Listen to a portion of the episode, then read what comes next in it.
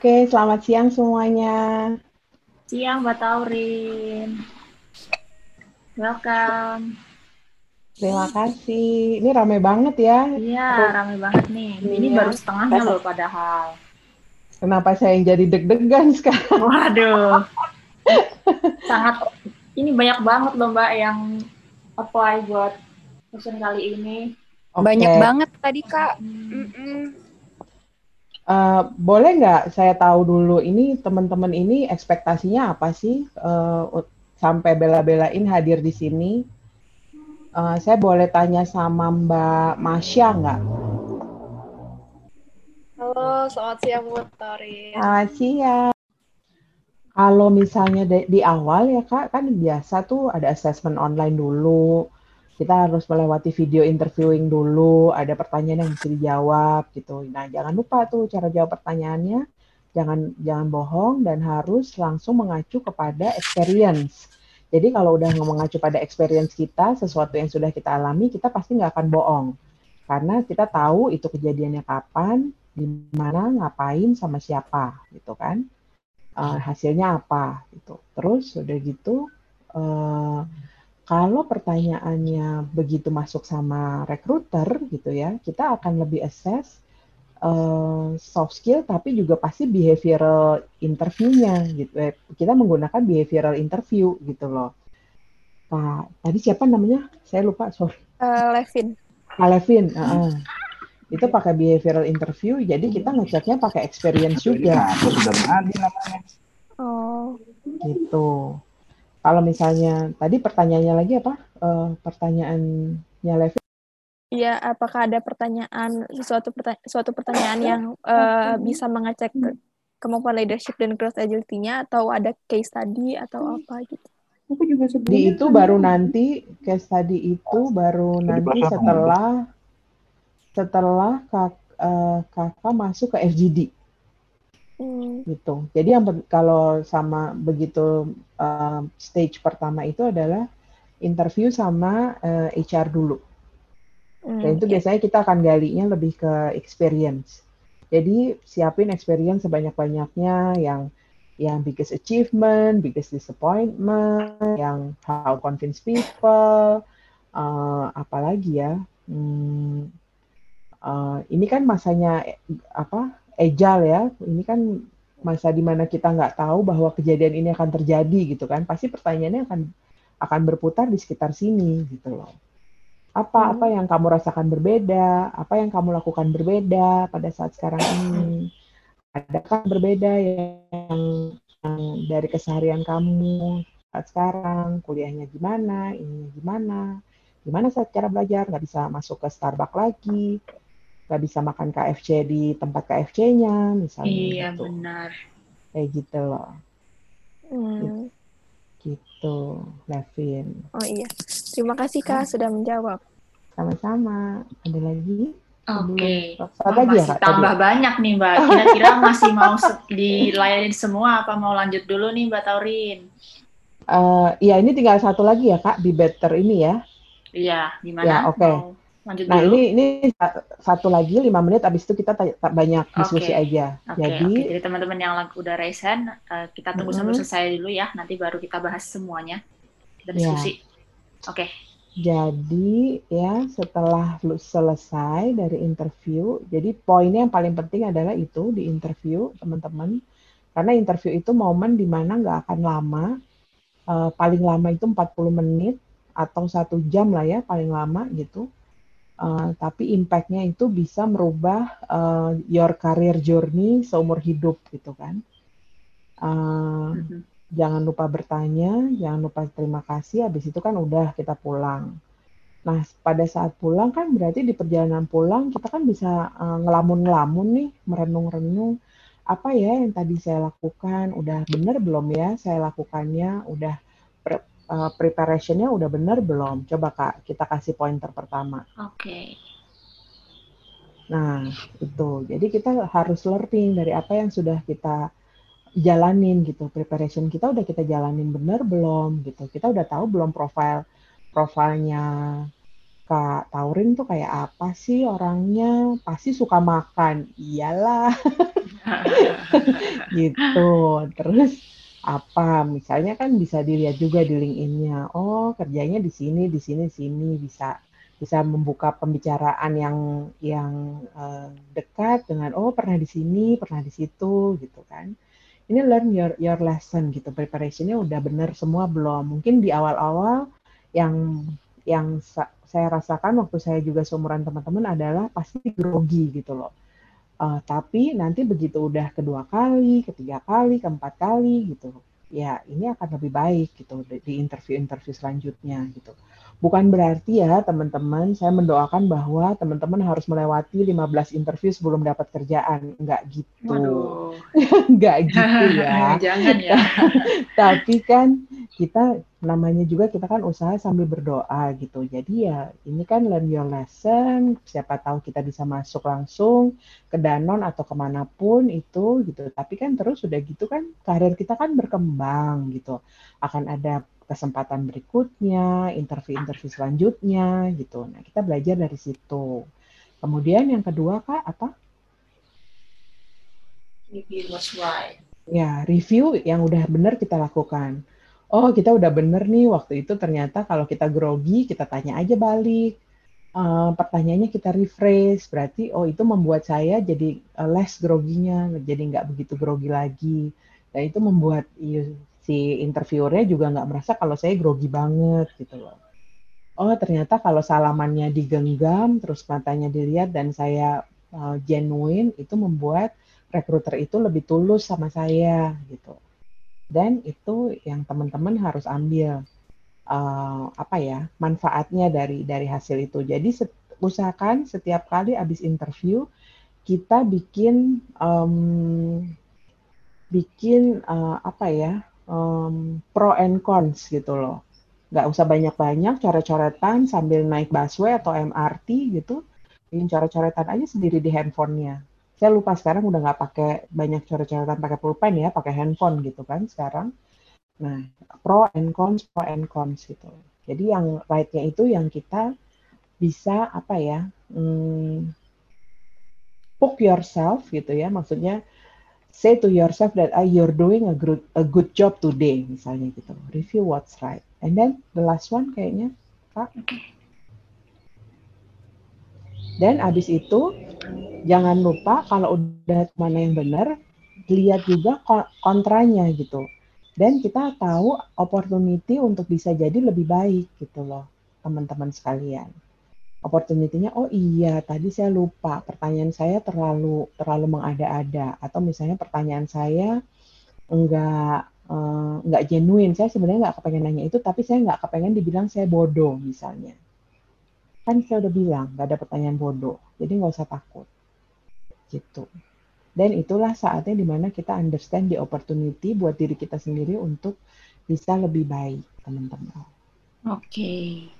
Oke okay? kayaknya udah deh supaya nggak banyak-banyak jadi ngapalinnya juga gampang nggak usah diapalin iya, iya. dan bisa bisa langsung dipraktekin gitu kan ya practice makes ya. perfectnya jadi wah banyak banget kak ini yang sudah raise hand Oh iya. Uh, gini, ini kita Gimana? sudah bisa mulai ini ya kak, question and answer session ya, kayak uh, Mbak Taurin ya.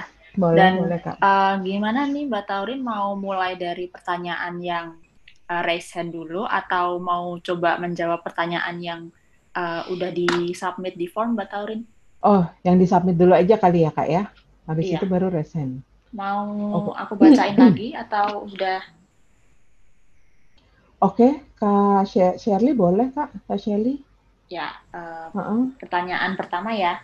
Uh -uh if I do not have a lot of experiences related to the company or the job description requirements that, that I apply to, but I have a strong willingness to learn, does this affect my results? Hmm. Ini kan pertanyaannya kan sebenarnya kalau nggak punya experience gimana ya? Kita kan nggak experience-nya itu kan sama job desk-nya gitu, sama iya. role-nya jangan lupa di Danon itu kan you are more than just your background. Intinya itu. Ya, gimana Jadi, tuh Kak Taurin tuh? Mungkin banyak yang belum belum ngerti gimana sih di Danon maksudnya oh, you're more than your background tuh Mbak, Mbak Taurin. Iya, yeah, you are more than just your background gitu. Jadi jadi maksudnya mau background educationnya apa kek, mau background keluarganya dari mana kek, mau background suku, mau background uh, sekolah, uh, wilayah, uh, gender gitu ya. Tapi kita di Danon itu kan terima ini kita benar-benar inklusif gitu loh, menerima orang karena impact yang dia berikan, value yang dia berikan kepada company gitu. Jadi jangan takut untuk mencoba. Kalau misalnya teman-teman willing punya strong willingness untuk learn gitu.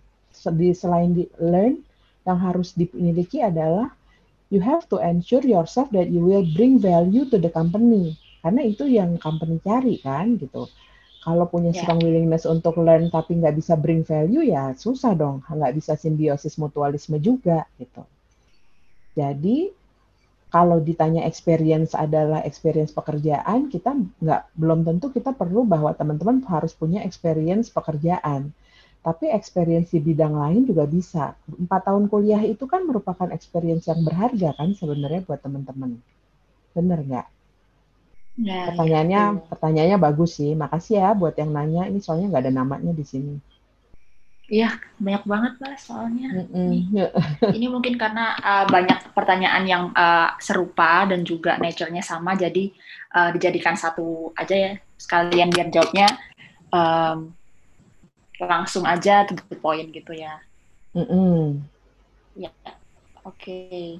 Sudah men sudah menjawab ya teman-teman ya. Uh -uh. Oke. Okay. Terus ada lagi nih yang menarik juga. Um, kalau ya ini ya. Jadi aku menggabungkan dua, dua pertanyaan nih. Jadi besides academic and co-curricular achievements, what are other qualities that Danone or other multinational companies look for in the candidates? Uh, dan juga uh, personality kayak apa sih yang dicari sama recruiter dari candidates itu?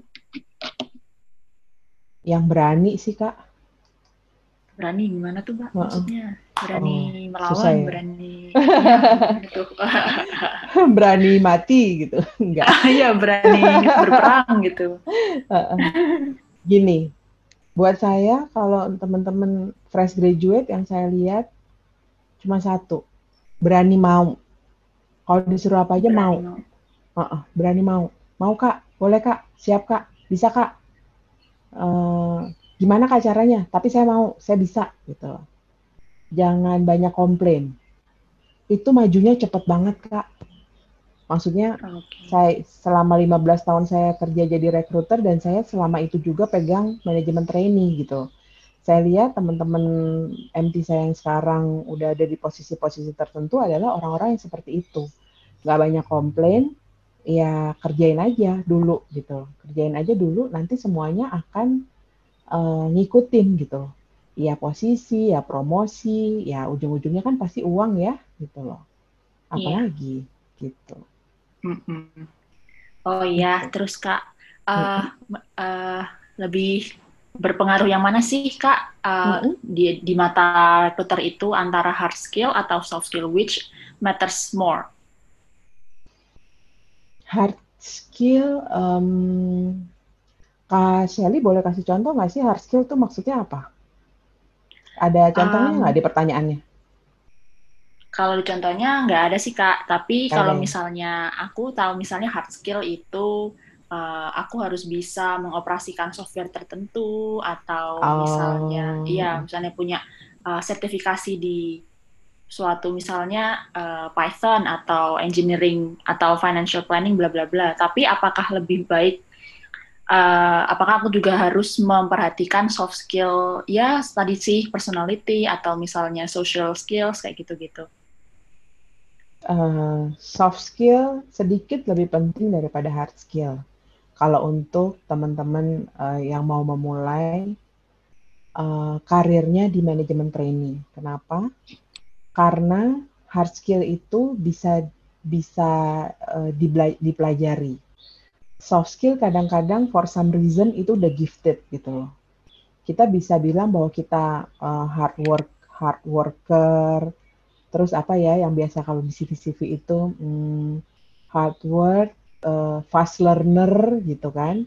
Tapi kalau pada kenyataan yang nggak nggak begitu, nggak sesuai dengan apa yang diinginkan kan agak agak susah untuk merubahnya sebenarnya. Oh iya. Mm -mm.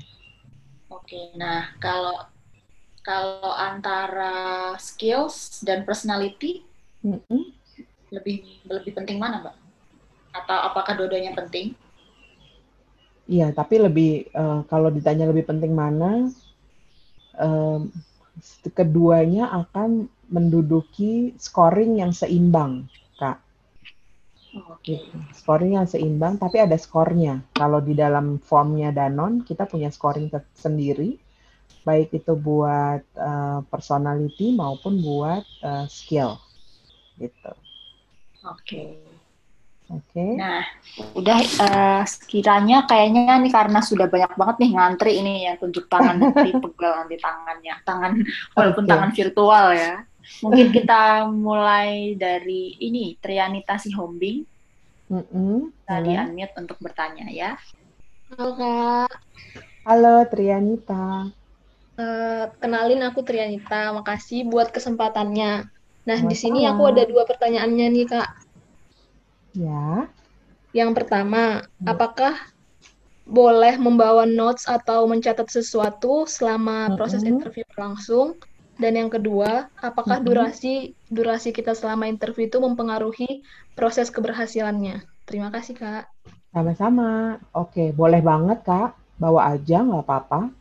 Itu biasanya juga dilakukan sama. Jadi, kalau saya, kalau kandidat saya bawa notes, saya merasa lebih tersanjung sih jadi apa-apa yang saya omongin kayaknya dicatat gitu kan. Gitu. Itu boleh banget. Dan biasanya kan teman-teman yang bawa notes itu udah mencatat juga pertanyaan-pertanyaan apa yang akan ditanya gitu loh. Jadi kalau misalnya grogi, teman-teman bisa buka tuh catatannya. Itu. Atau misalnya udah tau lah kalau misalnya ditanya ini kira-kira jawabannya experience-experience apa yang mau kita yang mau kita tanyain gitu loh, Trianita. Yang kedua, apakah itu mempengaruhi? Ini hard to say sih sebenarnya, it depends. Kadang-kadang kita banyak melakukan juga interview cepat gitu Kita bilangnya tuh screening interview namanya. Gitu. Jadi di screening interview itu kita cuma melakukan checklist aja. Kalau misalnya teman-teman menjawab pertanyaan sesuai yang kita inginkan, kita checklist, biasanya itu di 10-15 menit udah selesai dan you go to another uh, step gitu loh. Jadi ya it, memang cuma segitu aja gitu interviewnya dan nggak mesti bahwa kalau interviewnya cuma 10 menit terus selesai terus kamu pasti nggak nggak dipilih gitu nggak nggak nggak begitu juga uh, apa teo, uh, hitung-hitungannya ya secara teorinya nggak nggak begitu. Jadi it depends. Kita melakukan uh, screening interview atau in-depth interview atau um, apa gitu loh tergantung interviewnya itu interview apa gitu Semoga menjawab ya, ya Kak. Oke, sudah menjawab Oke, ya. Terima kasih Kak. Iya. Uh, Oke, sekarang lanjut ke Putri Karona. Silakan Putri. Uh, halo, selamat siang Kak. Hai Putri. Uh, maaf, saya baru join tengah-tengah. Takutnya ini pertanyaan udah ada yang tanya. Yang hmm. saya mau tanya, apakah rekruter itu melihat background pendidikan dari calon kandidatnya kayak misalnya si A ini lulusan dari universitas yang biasa aja sedangkan si B itu universitas yang terkemuka atau reputable. Jadi biasanya rekrutmen eh rekruter itu lebih prefer ke yang mana ya? Apakah uh, PTN atau PTS-nya itu dilihat atau tetap berdasarkan kemampuan dari si rekruternya itu eh rek, uh, si uh, kandidat itu sendiri. Hmm. Betul, makasih. Sama-sama. Jawabannya yang kedua ya, Kak. Jadi you are more than just your background. Mau universitasnya mana kek, mau jurusannya apa kek. Kalau backgroundnya udah, eh, kalau kamunya sendiri udah bagus, sudah ada potensinya, ya kenapa enggak? Makanya kita spend a lot of time dan energi dan resource gitu untuk benar-benar uh, melakukan interview dan assessment gitu biasanya kita terima sekitar tujuh ribuan uh, kandidat yang completed uh, has completed assessment di awal gitu ya untuk MT dan semuanya itu direview gitu. And we spend a lot of time untuk go deeper di situ. Semoga bisa okay. menjawab Putri. Sudah menjawab ya Putri? Iya, makasih. Sama-sama. Lanjut langsung Sancia, silahkan.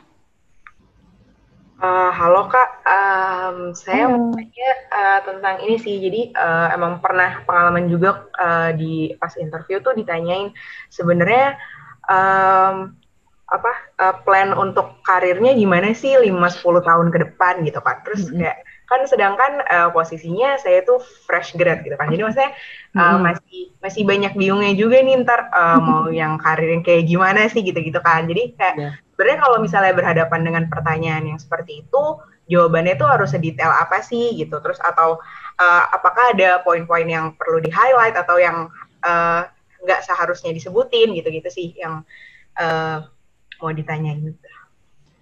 Sebenarnya teman-teman harus tahu um, kenapa rekruter bertanya itu. Kita kepengen tahu hal yang kita pengen tahu seberapa seberapa planning sebenarnya teman-teman dalam merencanakan karirnya teman-teman gitu. We are totally understand that you are just graduated gitu kan, tapi orang graduated itu kadang-kadang ada yang memang udah udah planning gitu kan bahwa misalnya dalam hidupnya uh, dia dua tahun pertama harus masuk M manajemen trainee, tahun depannya dia harus jadi manajer, tiga tahun lagi dia harus jadi senior manager. Nah, hal kayak gitu kita pengen tahu. Tapi kan itu biasanya sifatnya lebih berandai-andai gitu kan, Kak. Itu biasanya pertanyaan-pertanyaan kayak gitu untuk sebagian perusahaan udah ditinggalkan. Karena kita udah masuk ke behavioral interview. Justru kita nanyanya adalah kita melihat past experience untuk mempredik future um, future behavior gitu. Tapi kalau misalnya memang ada pertanyaan kayak gitu ya harus berarti teman-teman harus prepare dengan plannya. Plannya apa gitu. Lima tahun lagi mau jadi apa? Mau jadi manajer? Mau jadi manajer apa? Manajer di mana? Manajer di Google? Manajer di Microsoft? Manajer di Microsoft tapi di interviewnya di Danone. Ah, ya nggak keterima lah habis itu. Wah hati-hati tuh. gitu. Tapi ya itu pertanyaan pertanyaan yang pengen lihat sebenarnya how how planning uh, seberapa jauh sih teman-teman memplan masa depan gitu loh. Dan dari uh, pengalaman saya menghadapi teman-teman yang kira-kira seumuran lah ya sama saya ini gitu. Millennials ini jarang orang yang yang prepare sampai ke sampai ke lima tahun ke depan gitu loh. Which is saya nggak pernah lagi nanyain pertanyaan itu sih sebenarnya. Gitu Sancia menjawab nggak pertanyaannya? Iya menjawab. Oke, okay. ada ya. lagi? Ada lagi kak, masih banyak. Oke. Okay. Ini Gerhard Samuel. Oh, Gerhard, Samuel, okay. silakan.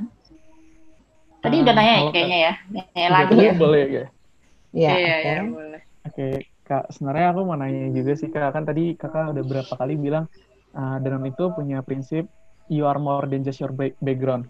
Uh, uh. Uh, apakah itu tidak apakah itu mengartikan bahwa Danon itu kayak dia tidak menggunakan employee personal kan kan ada kadang ada yang bikin talent persona atau employee persona untuk recruiting itu mm -hmm. jadi kayak mungkin backgroundnya biasanya kayak gini nih untuk di posisi kayak gini skillsnya yang dibutuhkan kayak gini personalitinya mm -hmm. kayak gini apakah itu berarti mengindikasikan bahwa Danon tidak melihat itu sama sekali personanya seperti apa? Persona in terms of personality ya maksudnya ya Gerhard ya? Iya kak, mungkin dari backgroundnya, oh, iya. persona dan juga skillsnya gitu kak. Oke, kalau personality iya kita nggak melakukan itu, tapi kita melakukan kompetensi based interview gitu loh.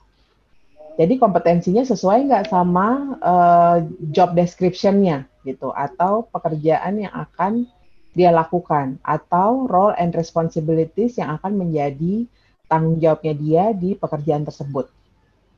Gitu Gerhard. Uh, boleh kayak aku ngasih contoh itu nggak ya kak? Boleh. Oke misalnya gini, uh, aku kebetulan juga mahasiswa teknik, uh, mm. tapi aku punya background uh, pernah ngurus di organisasi terkait talent management atau HR-nya gitu kak. Apakah mm-hmm. itu possible meskipun aku bukan anak psikolog atau manajemen, tapi aku punya background itu untuk mendaftar HR gitu kak?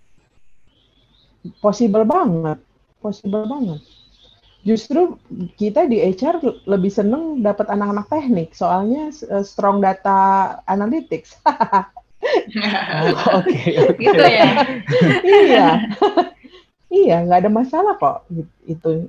Jadi oh. nggak boleh, maksud saya jangan sampai ini apa namanya, jangan sampai nggak percaya diri gitu loh. Itu aja ya. Tapi memang untuk sebagian posisi gitu ya, kayak di research and innovation gitu, ya kita perlunya adalah orang-orang yang memang punya background di nutrition gitu ya, karena emang pekerjaannya gitu loh kak. Itu sih. Oke deh, makasih ya kak. Sama-sama. Oke. Kak Sally, Kak iya, iya, kita harus mas. kita harus hard stop di 320 ya Kak, maksimal ya Kak? Betul. Iya, hmm. boleh. 320 ya Kak ya?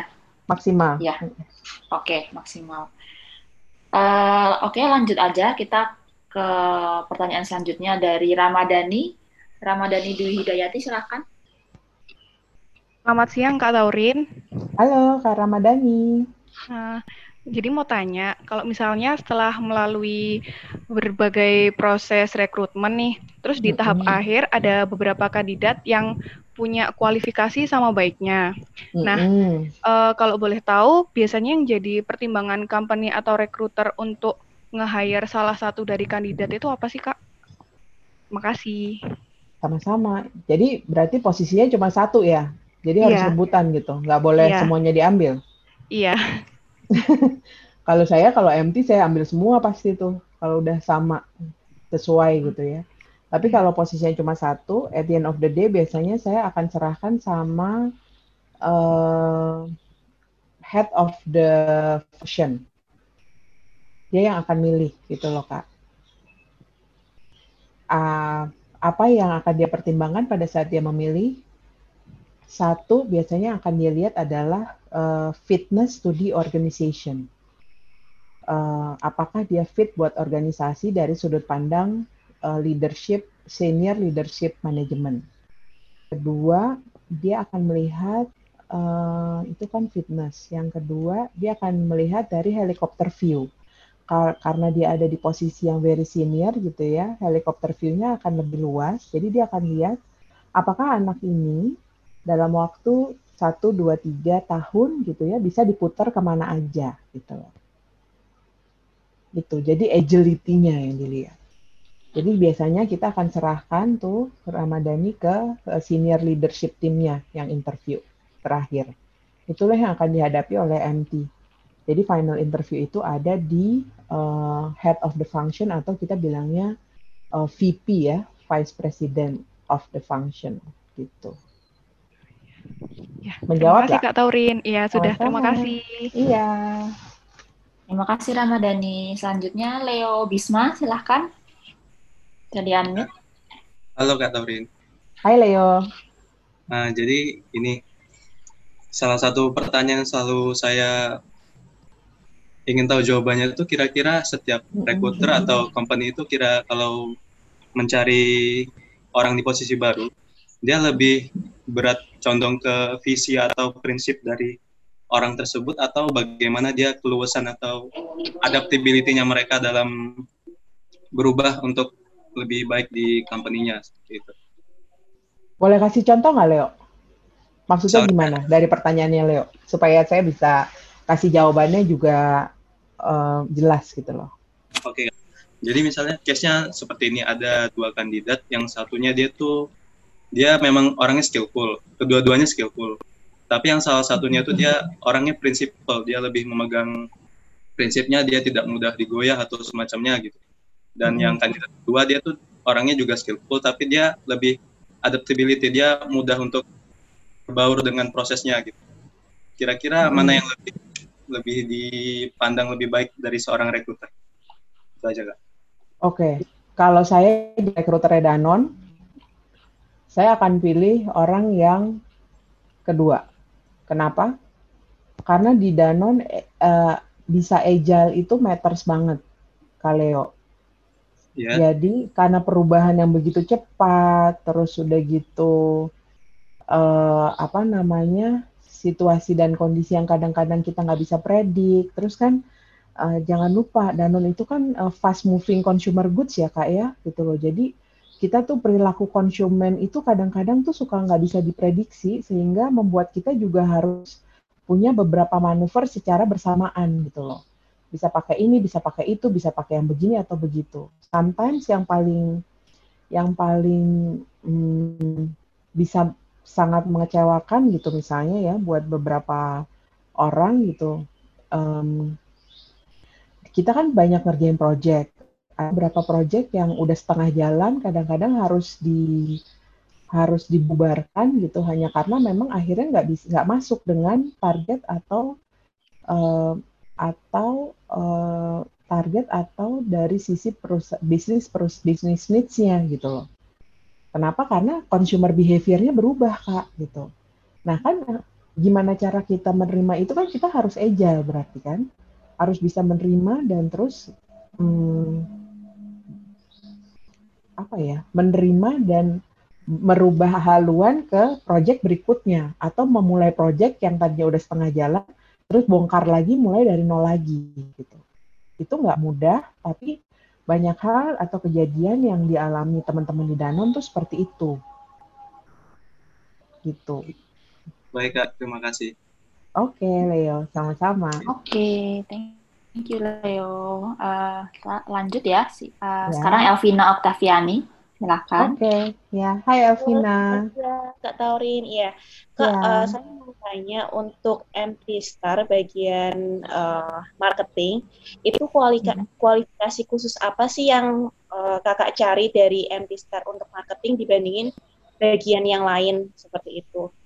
Dan apakah uh, majornya hmm. itu sangat uh, sangat matter gitu seperti harus manajemen, harus marketing and business seperti itu? Terima kasih. Sama-sama. Oke, makasih ya Elvina.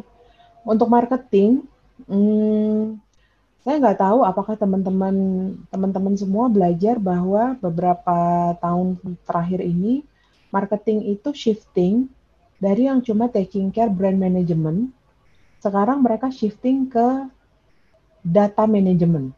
Benar nggak?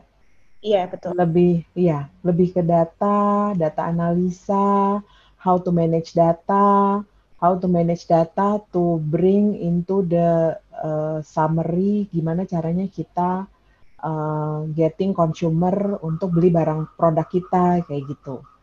Jadi memang kalau misalnya kakak mau kakak mau lebih tahu mengenai marketing yang kita pengen yaitu orang-orang yang memang masuknya lebih ke data instead of cuma brand manajemennya doang gitu loh. Oke. Okay. Tapi ya but then again it's ya you are more than your than just your background ya. Yang penting kan ada harus ada basicnya dulu nih. Basic soft skillnya harus ada dulu as an MT gitu loh. Oh, Oke, okay. yang leadership okay. dan sebagainya itu ya kak betul ya? Iya betul, betul oh. banget. Betul. Yang maunya itu loh, yang mau siap kak, mau kak, oke okay, kak gitu. Drive ya, itu drive-nya harus kelihatan gitu. Oke, okay. siap siap kak. Oke, okay, Vin. Iya, yeah, thank you Elvina. Iya, Oke, uh, Ray, sekarang Reisa Renova boleh diunmute untuk bertanya ya, silahkan. Uh, halo. Hai Reisa. Uh, ya, terima kasih Kak Taurin. Jadi saya ini mau bertanya, ada dua pertanyaan gitu. Uh, jadi yang pertama ini, uh, ini karena pengalaman saya juga. Okay. Jadi ketika interview, uh, saya memilih satu bidang. Nah, mm -hmm. tapi karena uh, background saya berbeda dengan bidang itu, uh, pihak interviewernya atau recruiternya itu minta saya untuk uh, kenapa kamu nggak nggak di bidang ini aja? Ini kan lebih baik kayak gitu. Nah, mm -hmm. itu apakah seharusnya saya mengikuti atau itu hanya sebuah tes untuk mengetahui keyakinan saya uh, dengan bidang yang baru ini gitu? Mm -hmm. Nah, uh, untuk yang kedua, hmm. jadi uh, saya ini uh, sudah bekerja gitu, tapi memang hmm. baru hanya selama enam bulan.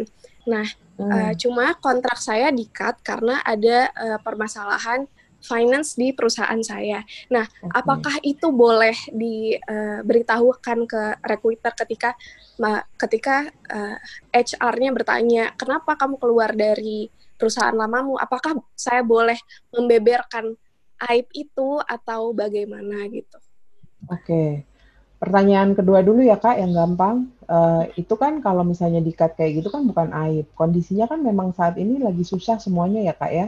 Ya. Jadi kalau misalnya memang di, di apa namanya memang kita tiba-tiba perusahaan harus menyudahi hubungan kerja dengan dengan kita gitu ya karena satu dan lain hal gitu ya kita harus cerita aja kita cerita bahwa kondisinya seperti ini gitu ya kondisi misalnya masalah finansial masalah ekonomi masalah uh, situasi COVID yang ada sekarang gitu. Itu enggak buat kita sih itu enggak masalah. Kan saya udah bilang jangan jangan bohong gitu Ya jangan jangan bohong, lebih baik lebih baik berkata apa yang apa yang ada karena kalau misalnya kita udah mulai satu kebohongan ya nanti itu ha harus berlanjut dan kadang-kadang kita lupa bahwa kita udah bohong. itu masalahnya. itu. Nah, pertanyaan yang pertama tadi um, sebenarnya kita kalau dari sisi saya gitu sebagai rekruter, saya sih lebih pengen memastikan um, kandidat itu maunya di mana. Makanya saya biasanya kan uh, ada pilihan pertama, pilihan kedua kalau di danon gitu ya, nggak nggak pernah dipaksa loh. Nah maunya yang mana, maunya di mana gitu. Itu saya benar-benar menanyakan benar nggak di sini kenapa, kenapa kita bertanya gitu sebenarnya. Karena pada saat misalnya misalnya Reza masuk gitu ya ke Danon, kita mau pada saat Reza masuk ke departemen itu atau ke function itu, itu benar-benar adalah sesuatu yang Reza mau, yang Reza inginkan dan pengen berkarir di situ. Gitu. Minimal sampai jadi manajer misalnya di situ. Itu makanya kita akan memberikan informasi yang cukup gitu ya mengenai misalnya mengenai function tersebut gitu melalui dan community gitu kan atau melalui sesi tanya jawab gitu kan melalui live streaming, melalui uh, apa lagi ya? Um, Spotify ya, gitu ya, Spotify gitu loh. Hmm. Itu sih res. Jadi kita mau setiap kandidat kita yang apply yakin bahwa apa ya, function yang dia pilih itu memang sesuatu yang dia pengen gitu loh. Hmm. Itu sih Resa. Jadi nggak ada nggak ada tujuan itu. Hmm, begitu. Uh, baik, Mbak Taurin, makasih. Tapi uh, mm-hmm. saya mau nanya lagi nih, misalnya, uh, mm-hmm. misalnya aja gitu, kontrak saya diperpanjang, tapi mm-hmm. saya uh, misalnya mau masuk Danon mm-hmm. dan uh, tapi kontrak saya tuh masih ada gitu, jadi saya putus. Mm-hmm. Nah itu uh, tetap boleh dibicarakan atau itu malah jadi bumerang buat saya karena tahu saya tidak loyal ke perusahaan sebelumnya. Boleh aja kak hari gini hari gini masih gitu ya ada loyalitas ke perusahaan.